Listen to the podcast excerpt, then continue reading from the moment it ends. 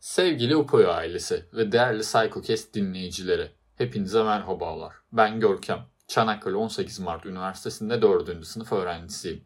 Bugün sizlere major depresif bozukluktan bahsedeceğim.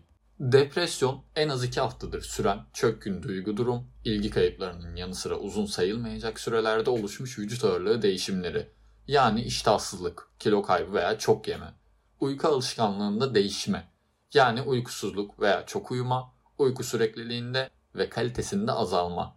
Enerji kaybı veya halsizlik, değersizlik veya suçluluk duyguları, yoğunlaşamama veya dikkati sürdürememe, kararsızlık, yineleyen ölüm düşünceleriyle kendini gösterir. Tüm bunlarla birlikte mesleki ve sosyal işlevsellikte azalma ve kişiler arası ilişkilerde bozulmalar söz konusudur.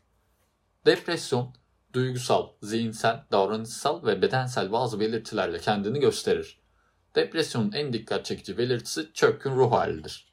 Depresyonda kişi genellikle mutsuz, karamsar ve ümitsizdir.